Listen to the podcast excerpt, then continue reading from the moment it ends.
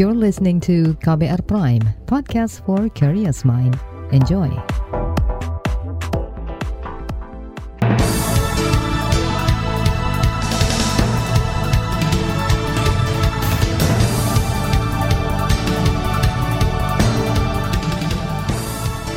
Selamat pagi saudara, senang sekali kami bisa menjumpai Anda kembali melalui program Buletin Pagi edisi Rabu 16 Februari 2022.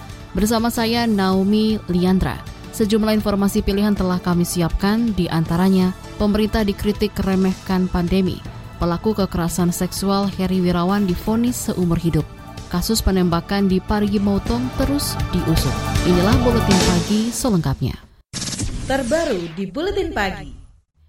Pemerintah dikritik lantaran dianggap meremehkan situasi pandemi COVID-19.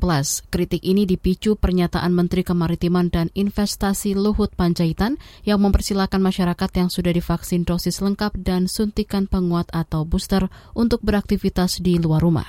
Berikut pernyataan Luhut yang juga koordinator PPKM Jawa Bali Senin kemarin. Jadi kita khawatiran kita tidak ada yang berlebihan. Kalau memang dia sudah divaksin, ya, sudah dua kali sudah booster tidak tidak ada komorbid ya jalan-jalan aja tidak ada perlu ada yang dikhawatirkan berlebihan. Uh, kita belum ada lihat untuk ada uh, pengetatan lagi tidak. Justru kita pelonggaran-pelonggaran yang kita lakukan tetapi dengan apa namanya uh, monitoring yang ketat Pernyataan Luhut ini keliru dan rentan disalahpahami menurut ahli epidemiologi Universitas Indonesia Triunis Miko Wahyono. Kata dia pesan utama yang ingin disampaikan Luhut adalah pentingnya vaksinasi. Nah ini juga begitu. Bagi yang udah vaksin dua kali silakan jalan-jalan. Jangan nggak begitu. Di Inggris saja kasus Omikron banyak, di Amerika banyak. Meskipun kasus banyak yang ringan, tapi yang meninggal itu sekarang di Indonesia banyak 145.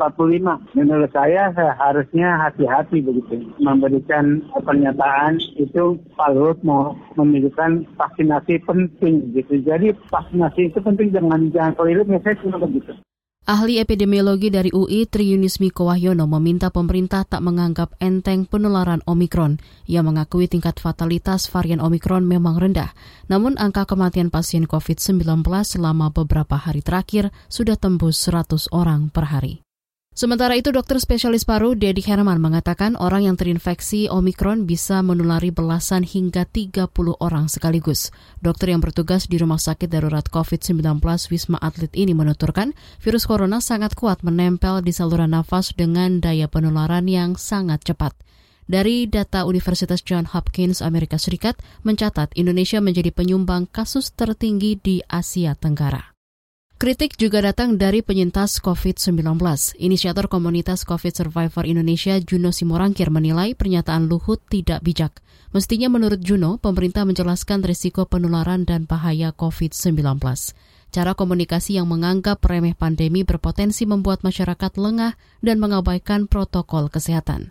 Juno juga mengingatkan tentang fenomena long COVID yang harus diwaspadai. Berbagai keluhan yang masih dialami para penyintas misalnya – nyeri di dada dan seluruh tubuh, jantung berdebar, batuk, sampai masalah hipertensi. Uh, misalkan masyarakat itu bilang bahwa Omikron itu bisa disepelekan, ya nggak benar juga ya, karena banyak sudah banyak teman-teman penyintas yang gejalanya ringan, bahkan yang tanpa gejala justru dia merasakan dampak uh, setelahnya ya, setelah dia melewati masa isolasi, justru itu baru ada keluhan keluhan-keluhan yang berkepanjangan yang disebut dengan long COVID. Banyak banget lah gejala-gejalanya dan itu benar-benar nggak bisa disepelein ya, ada brain fog juga ya, uh, apa namanya kita jadi lemot ya, jadi nggak bisa mikir. Itu tadi inisiator komunitas COVID Survivor Indonesia Juno Simorangkir. Pernyataan Menko Maritim dan Investasi Luhut Panjaitan diluruskan oleh Satgas Penanganan COVID-19. Jadi bicara Satgas COVID-19, Wiku Adhisa Smito di CNBC Indonesia TV menekankan pesan utama yang ingin disampaikan Luhut adalah prinsip kehati-hatian.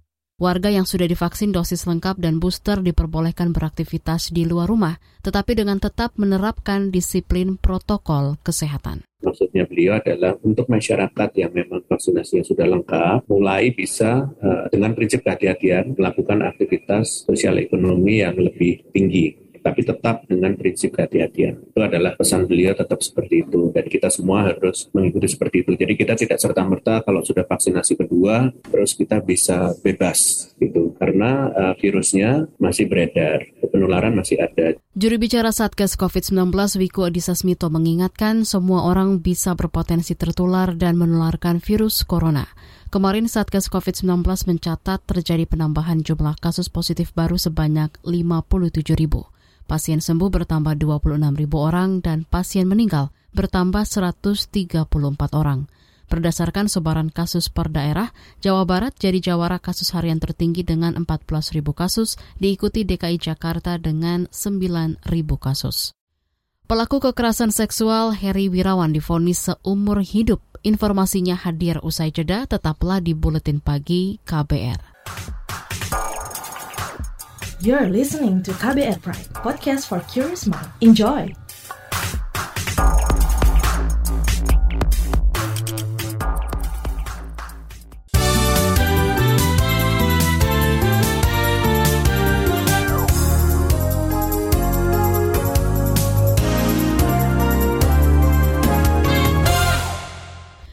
Anda sedang mendengarkan buletin pagi KBR.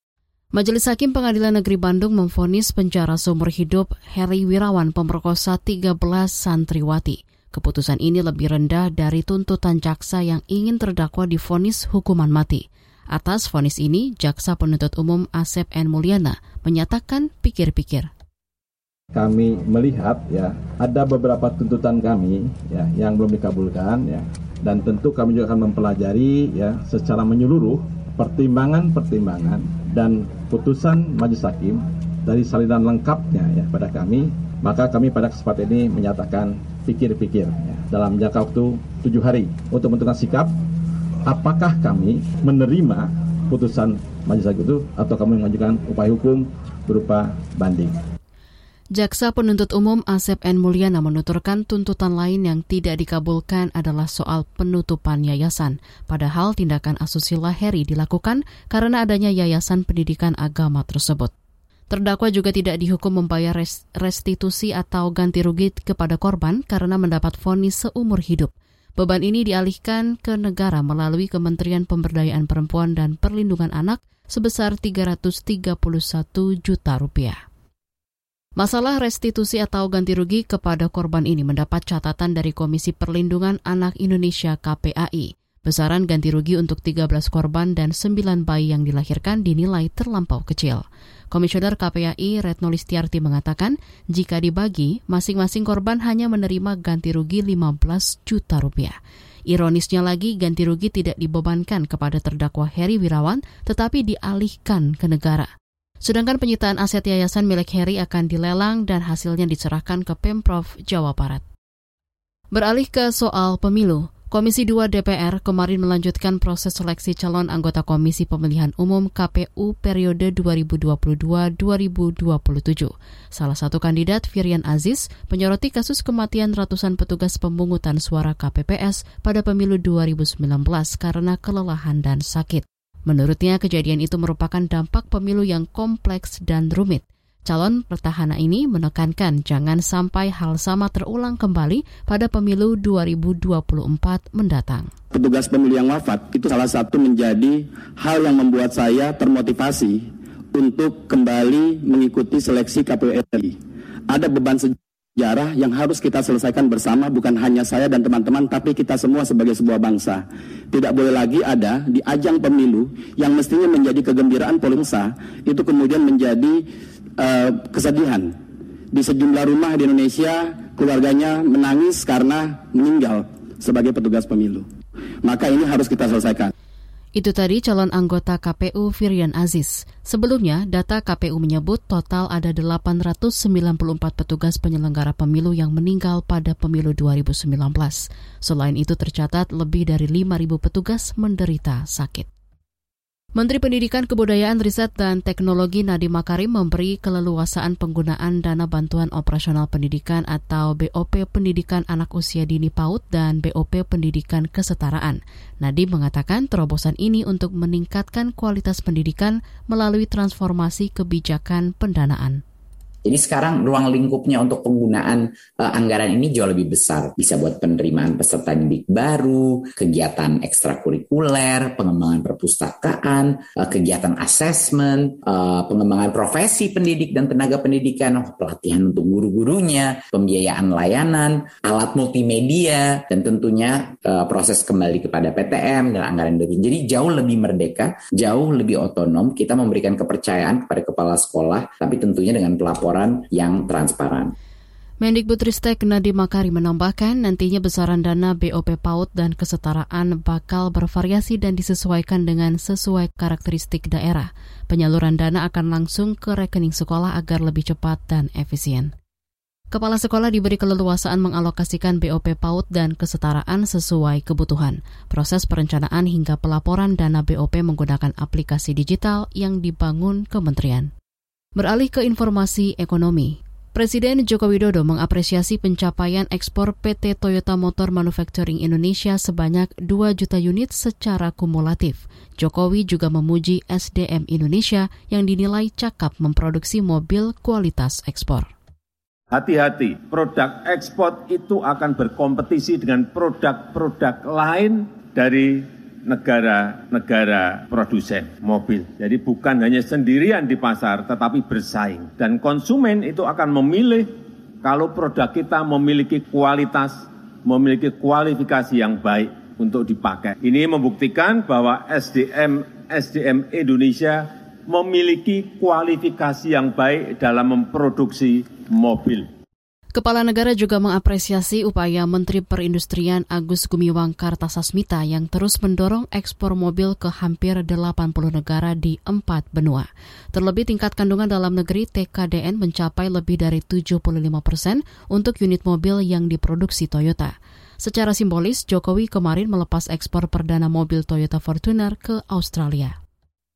Kita ke informasi mancanegara.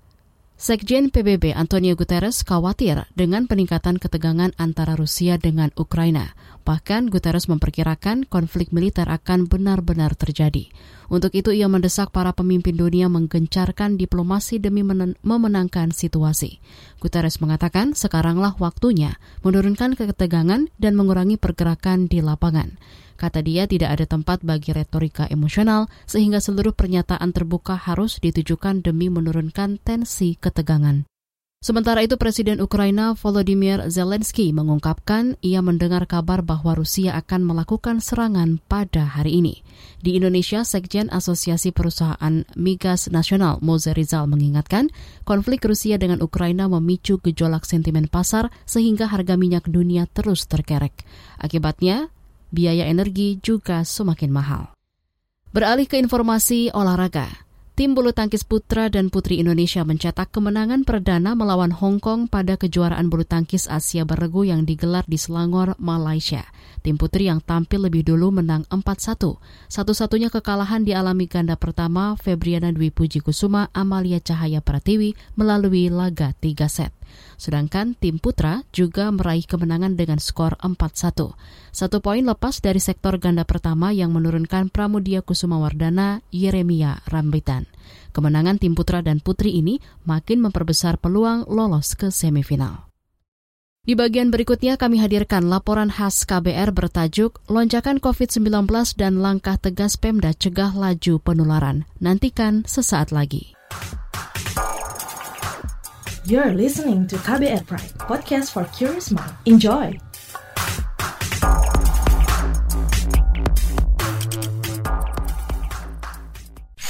Commercial break.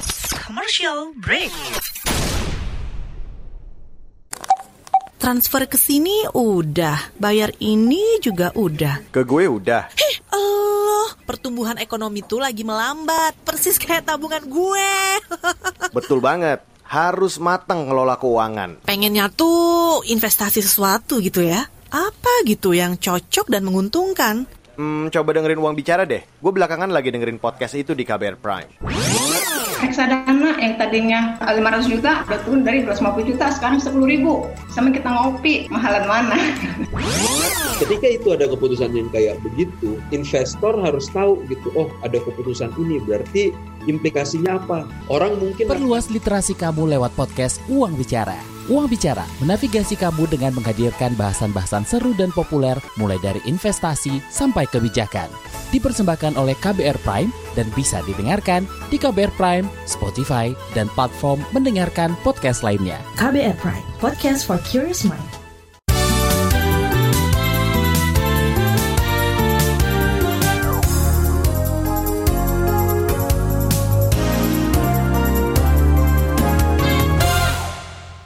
Anda masih bersama kami di Buletin Pagi KBR. Kasus COVID-19 di tanah air kembali alami lonjakan. Virus corona varian Omicron diyakini menjadi penyebab utama meledaknya tambahan kasus positif. Pemerintah daerah pun didorong segera menjalankan strategi untuk menekan laju penularan. Lantas, upaya apa yang diambil Pemda untuk mencegah meluasnya kasus COVID-19? Berikut laporan khas KBR yang disusun Heru Hayatami. Satuan Tugas Satgas Penanganan COVID-19 meminta pemerintah daerah menjalankan berbagai strategi untuk menekan lonjakan kasus.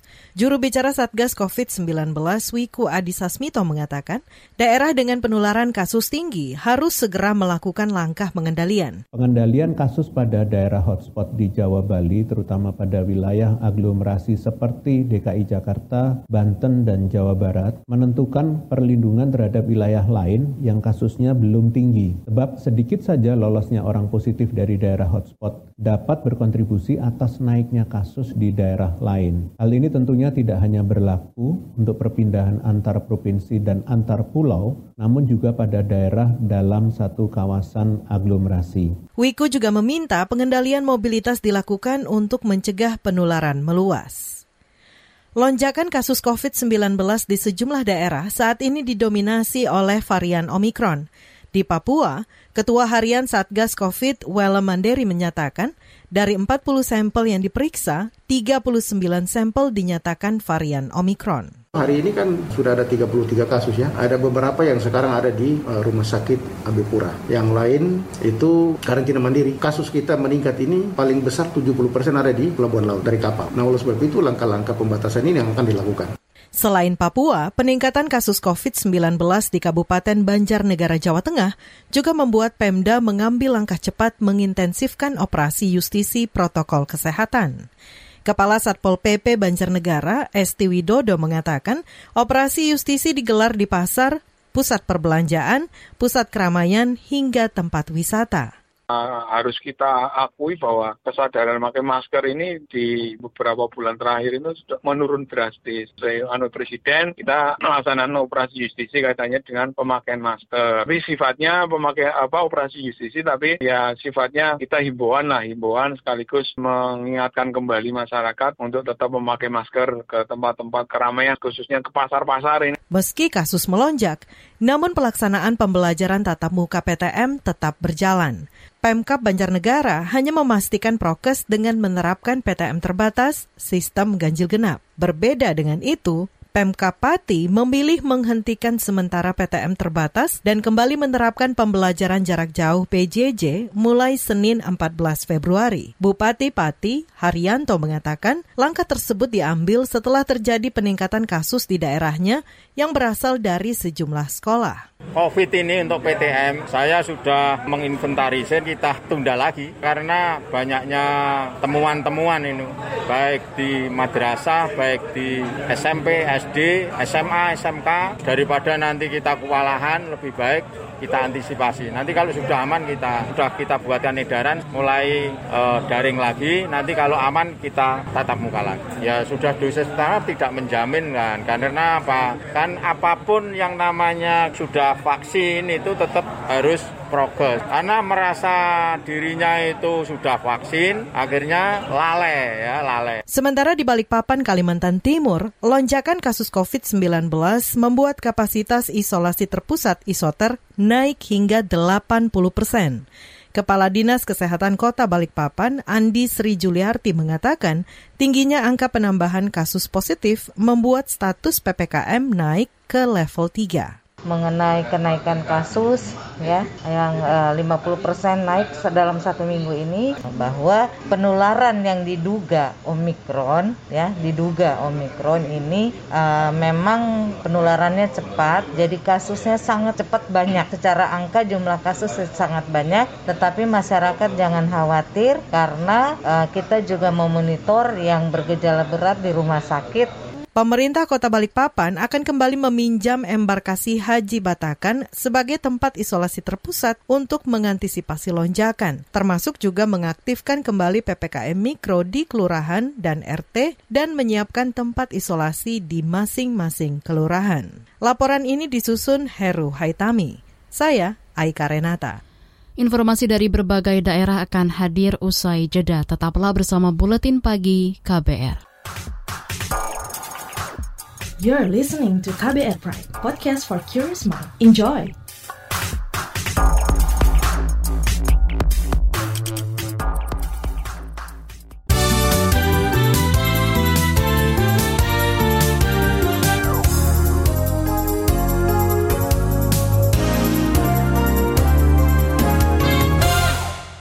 Inilah bagian akhir buletin KBR. Kepolisian terus mengusut kasus penembakan di Parigi Motong saat unjuk rasa anti tambang yang menewaskan seorang demonstran bernama Ervaldi. Juri bicara Polda Sulawesi Tengah Didik Supranoto mengatakan kasus itu kini sudah dinaikkan ke tahap penyidikan sesudah ditemukannya indikasi pelanggaran pidana. Dari kasus itu sudah dikeluarkan LP karena perbuatan pidananya sudah ada, yaitu adanya orang yang meninggal. Tetapi untuk tersangkanya masih dalam proses masih dalam proses penyidikan. Salah satunya adalah menunggu uji balistik. Nanti akan kita cek. Itu tadi juri bicara Polda Sulawesi Tengah, Didik Supranoto. Sebelumnya Divisi Propam Polda Sulawesi Tengah sudah memeriksa 17 personil polisi dan mengamankan barang bukti berupa 20 senjata api berikut proyektil pelurunya. Di laboratorium forensik, proyektil-proyektil itu akan dicocokkan dengan yang ditemukan di TKP. Kita ke Jawa Tengah. Tokoh NU diharapkan datang ke Desa Wadas, Kabupaten Purworejo yang saat ini mengalami konflik horizontal. Permintaan itu disampaikan sejumlah warga karena prihatin dengan pembelahan sosial yang terjadi antara kelompok yang pro dan kontra penambangan. Tokoh-tokoh NU diharapkan untuk ikut mendamaikan. Wagimin, warga dusun Kali Gendol Wadas menceritakan kehidupan sosial di sana rusak akibat perselisihan ini. Selama lima tahun terakhir, kedua kelompok tidak saling bertegur sapa dan melaksanakan aktivitas sosial masing-masing. Sementara itu, ulama NU Gus Muwafik menyatakan ingin segera datang ke Desa Wadas yang sebagian besar warganya merupakan kalangan Nahdliyin. Bergeser ke Jawa Barat, Sebanyak 152 pegawai Rumah Sakit Hasan Sadikin RSHS Bandung terinfeksi COVID-19. Data tersebut merupakan hasil penyisiran dan tes usap sejak akhir Januari. Hal itu disampaikan Direktur Pelayanan Medik Keperawatan dan Penunjang RSHS Bandung, Yana Ahmad Supriyatna. Dan data kami sampai dengan uh, kemarin itu telah kami periksa dari dokter-dokter sebanyak 523 ini memang cukup besar ya, 77 orang itu positif. Perawat yang sudah diperiksa itu 440 dan 57 orang positif. Kemudian dari penunjang itu yang sudah diperiksa 47 dan 18 uh, positif. Direktur RSHS Bandung Yana Ahmad Supriyatna memastikan seluruh layanan kesehatan tetap berjalan tanpa kendala. Mereka masih mampu mengelola SDM meski banyak nakes yang harus isolasi mandiri. Rumah sakit juga mempertimbangkan merekrut nakes baru jika jumlah nakes yang terinfeksi makin banyak. Informasi tadi menutup jumpa kita di Buletin Pagi hari ini. Pantau juga informasi terbaru melalui kabar baru, situs kbr.id, Twitter kami di akun @beritaKBR, serta podcast di alamat kbrprime.id. Akhirnya saya, Naomi Liandra bersama tim yang bertugas undur diri. Salam.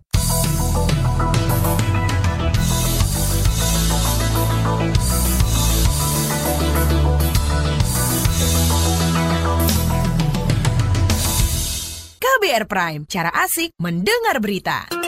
KBR Prime, podcast for curious mind.